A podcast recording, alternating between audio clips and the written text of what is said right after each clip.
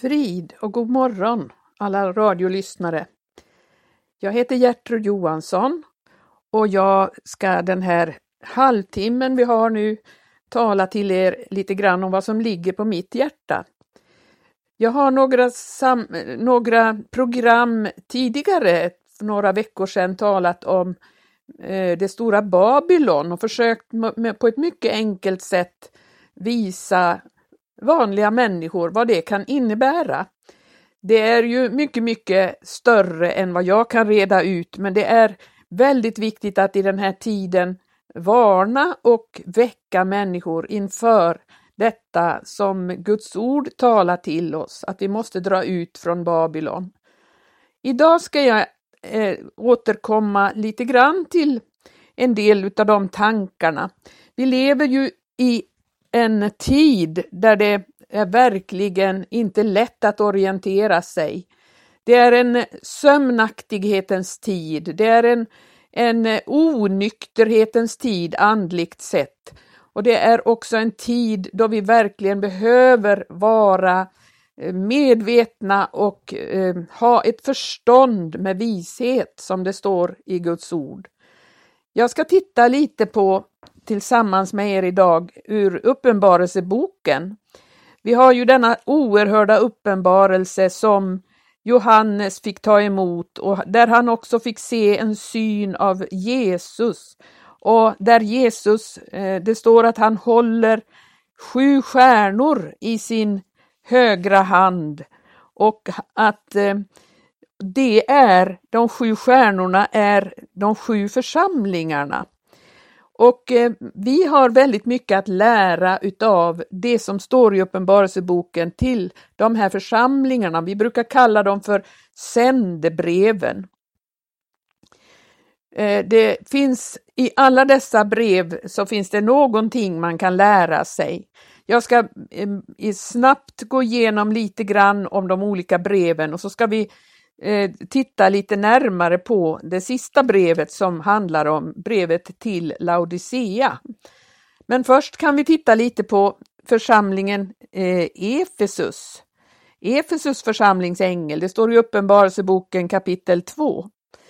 Där står det ju om att han, eh, han, han, Jesus då talar till dem att detta är en församling som har mycket gärningar, arbete, ståndaktighet, och det är väldigt eh, mycket värt att ha det. Men så står det att Jesus hade någonting emot dem i Efesus. Och det var att denna församling hade övergivit sin första kärlek. Och då står det så här att de skulle bättra sig och göra åter sådana gärningar som de gjorde under sin första tid. Och vad skulle hända om inte de gjorde det? Jo, då skulle ljusstaken komma att flyttas från dess plats, vilket innebär att den här församlingen helt enkelt förlorar ljuset, ljuset över de, den tid de lever i, ljuset över vad som är vad. Det är, vi vet ju att i dunkelhet och skymning så ser man inte klart och man eh, är inte beredd riktigt på verkligheten som den är. Men det står att de har, om de har öra så kan de höra vad anden säger till församlingen och då står det att den som vinner seger, han ska få att äta av livets träd som står i Guds paradis. Sen kommer brevet till Smyrnas församling och där står det att eh, Jesus känner din bedrövelse och din fattigdom. Det var tydligen så att de var, hade en bedrövelse, de hade en fattigdom, men så säger Jesus, dock, du är rik. De kanske inte var medvetna om hur rika de var själv, det behövde Jesus säga till dem, du är rik. För att Jesus visste vad de gick igenom för någonting. Och eh, han säger till dem, frukta inte för det som du ska få lida. Och så står det längre fram, var trogen intill döden så ska jag ge dig livets krona. Tänk att få ett sådant omdöme från Jesus, att eh, du är rik. Ja, Tänk, det är väldigt viktigt att få veta av Jesus hur det står till. Och så står det att eh, eh Eh, den som vinner seger ska förvisso icke lida någon skada av den andra döden. Sen har vi brevet till Pergamus. Jag sa det att jag ska bara helt schematiskt och snabbt gå igenom dessa eh, sändebrev. Pergamus, det står att eh, Jesus vet var du bor och eh, att eh, de håller fast vid mitt namn och de har inte förnekat tron. Men så står det att de har något litet emot. Jesus har något litet emot dem. Och vad var det lilla som han hade emot dem? Jo, det var att han, de lät människor finnas hos sig som höll fast vid någon främmande lära. Och likaså i 15 versen står det att de, några andra höll på Eh, var också hos dem som hade ytterligare en lära. Det var Balams lära och det var Nikolaiternas lära. Detta var allvarligt, de skulle inte låta dem finnas hos sig. Så Jesus vill att de ska göra bättring med detta. Annars så ska jag komma över dig och ska strida mot dig med min muns svärd, säger Jesus. Men den som vinner seger, han ska få ett nytt namn skrivet på, på en vit sten. Och detta med att få ett namn av Jesus, det är ju så här att den som äger någonting, den kan sätta namn på det. Den som eh, Jesus äger, honom sätter han namn på. Denna församling fick det budskapet. Så har vi då eh, Tyatiras församling. Där har vi likadant en församling som hade gärningar, kärlek och tro och ståndaktighet. Och de sista gärningarna var fler än de första. Men jag har det emot dig att du är så efterlåten. Här var det också en efterlåtenhetssynd emot eh, det som var orent, kvinnan Jesabel. Och vi vet ju att Jesabels ande är fullt ut verksam i vår tid. Det är mycket, mycket allvarligt att låta detta, detta inflytande komma i församlingen. Men det står att eh, det fanns de där som inte hade lärt känna dessa så kallade djupheter. Ja, Satans djupheter. Nej, håll fast vid det ni har och så säger han att eh, då ska ni få makt över hedningarna. Ja, detta var till dessa församlingar och nu har vi då Sardes församling. Och då säger Jesus till denna församling, jag känner dina gärningar, du har namnet om dig att du lever, men du är död. Ja, det hjälper inte vad människor säger om en församling, eh, att den är levande, nej. Jesus säger att du är död. Men eh, det finns de som eh, några få i Sardes som inte har fläckat sina kläder och de ska vandra med mig i vita kläder. Och den som vinner seger, han ska så bli klädd i vita kläder och jag ska aldrig utplåna hans namn ur Livets bok. Det finns en möjlighet att att eh, vinna seger också i en sådan församling. För han säger vakna upp och håll dig vaken. Och det ordet tycker jag är så aktuellt idag. Vakna upp, håll dig vaken.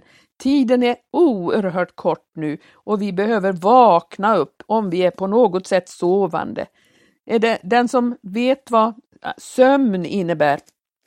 Det kan vi säga så här att om man sover, då andas man visserligen, man lever, men man sover. Den som sover äter inte och den som sover arbetar inte. Eh, ransaka, hur är det med dig? Hur är det med mig? Arbetar vi eller äter vi? Äter vi från Guds ord? Är vi angelägna om att få näring till vår andliga människa? Och sen kommer brevet till Filadelfias församling. Och då säger Jesus till honom, din kraft är ringa, men du har tagit vara på mitt ord. Ja, eh, man kan tycka att det här, den här församlingen fick inte eh, underkänt, men faktum är att dess kraft var ringa och varför var den det?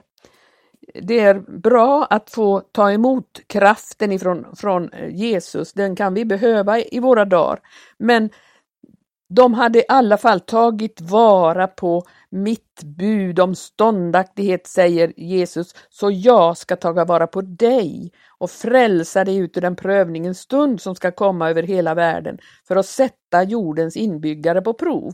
Prövningarna kommer, för det behövs.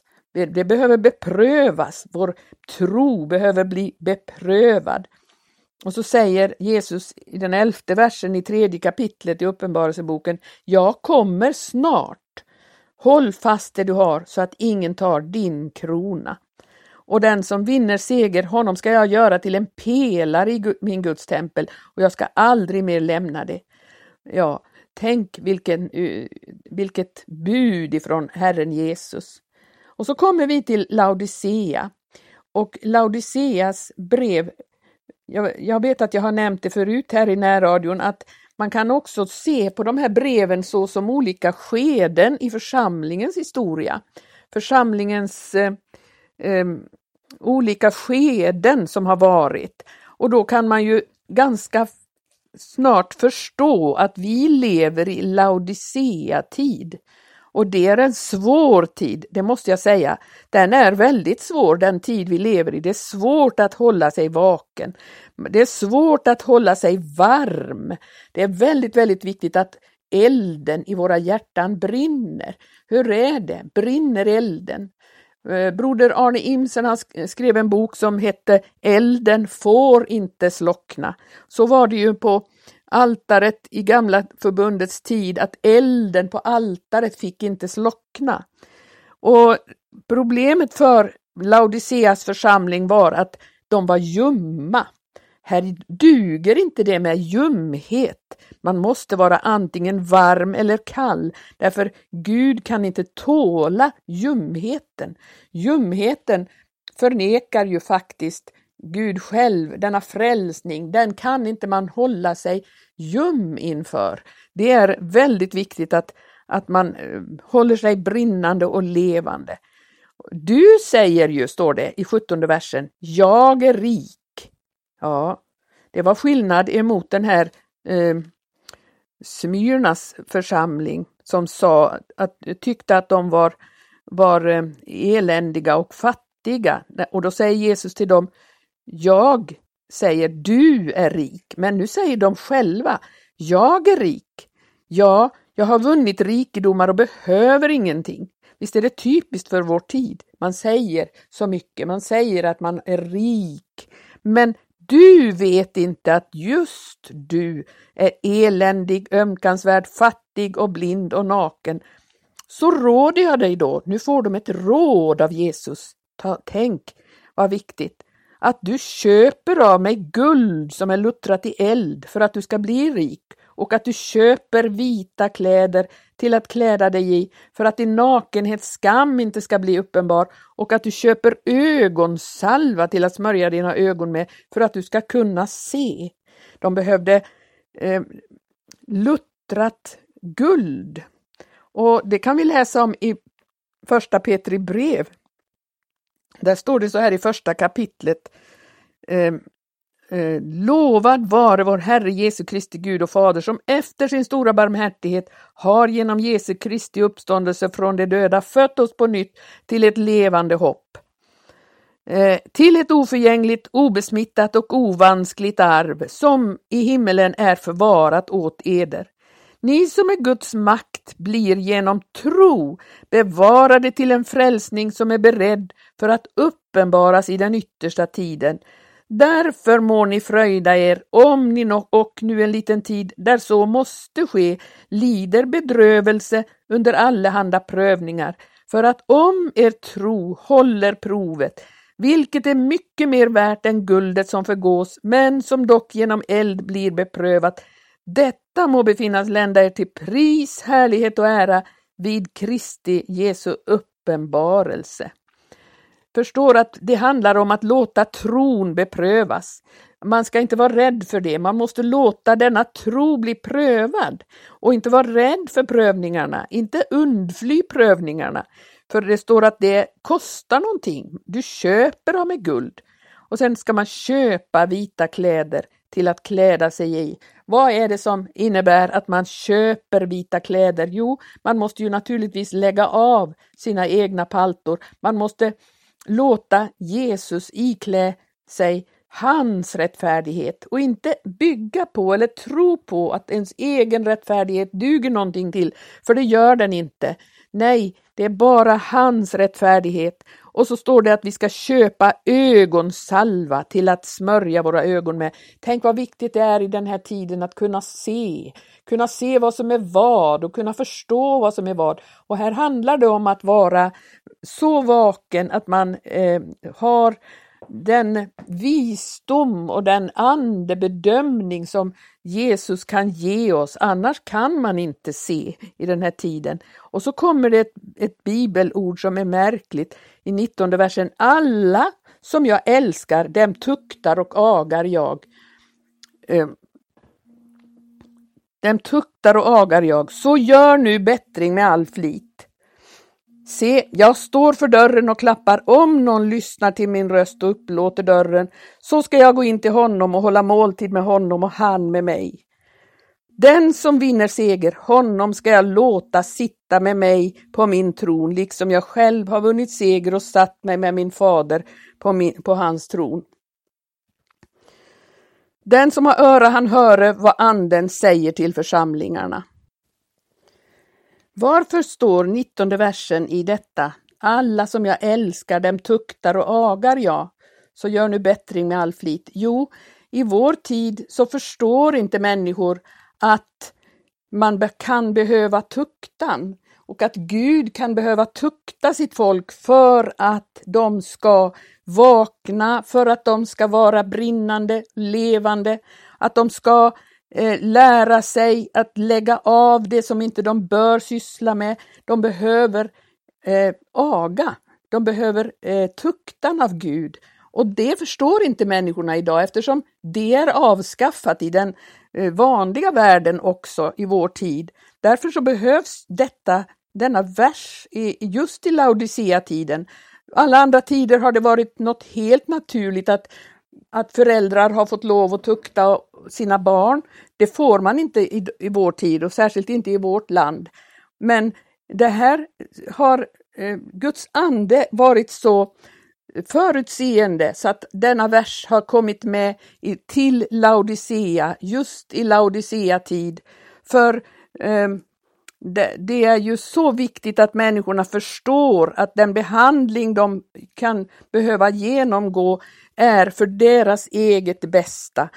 Eh, till Laodicea kommer inte trösteord, till Laodicea kommer starka ord och väckande ord och ord som handlar om att nu klappar Jesus på hjärtedörren och om någon lyssnar, står det, och upplåter dörren, då ska jag gå in till honom och hålla måltid med honom och han med mig. Gud, Jesus kallar oss till en oerhörd gemenskap med honom själv.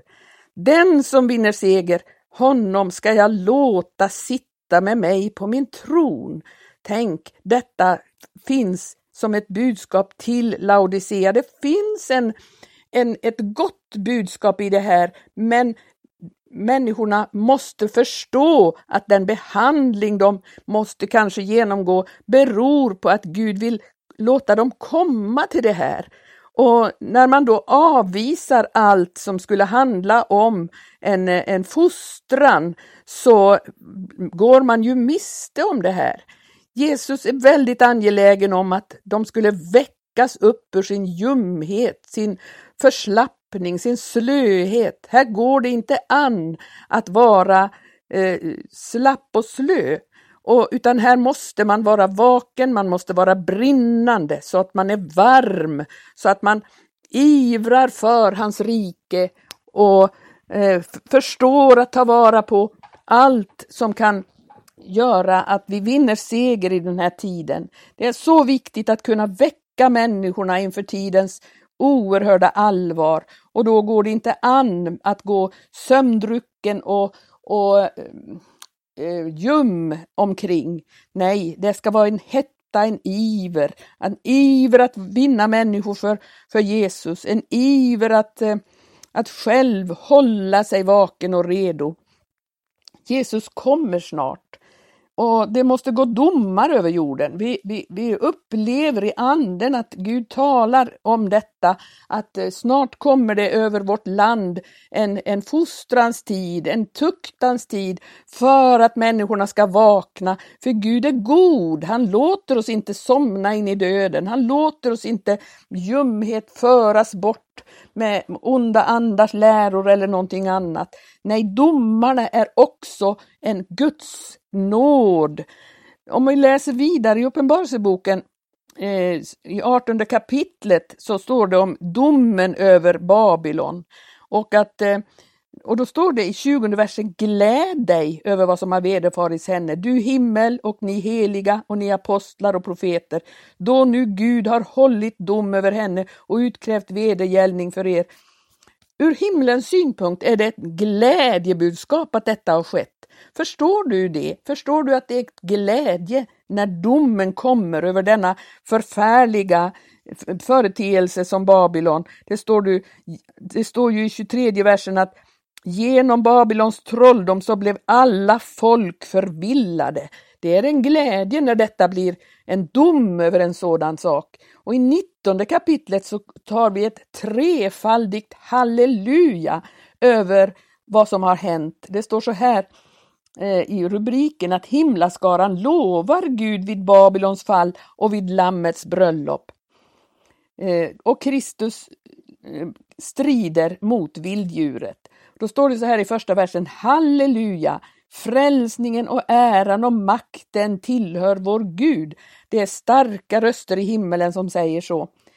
Ty rätta och rättfärdiga är hans domar och i tredje versen står det återigen halleluja och i fjärde versen halleluja igen. Och då står det en röst från tronen säger lova vår Gud, alla ni hans tjänare som fruktar honom, både små och stora. Och till och med det finns fyra halleluja. I sjätte versen står det halleluja, Herren vår Gud, den allsmäktige, har nu trätt fram såsom konung. Låt oss glädjas och fröjda oss och ge honom äran, ty tiden är inne för Lammets bröllop och dess brud har gjort sig redo. Och åt henne har blivit givet att kläda sig i fint linne, skinande och rent. Och det fina linnet är de heligas rättfärdighet. Och himmelen gläder sig när domarna rättar till det som ska rättas till och när det blir som det ska, när lammet och Lammets bröllop är eh, inne och dess brud har gjort sig redo. Hör du och jag till brudeskaran som har gjort sig redo. Du som lyssnar på det här programmet, Gud välsigne dig och se till att du vaknar upp ur all ljumhet och slöhet och blir brinnande inför detta stora som ska ske, att Jesus ska komma och hämta sitt folk. Må Gud välsigna dig. I Jesu namn. Amen.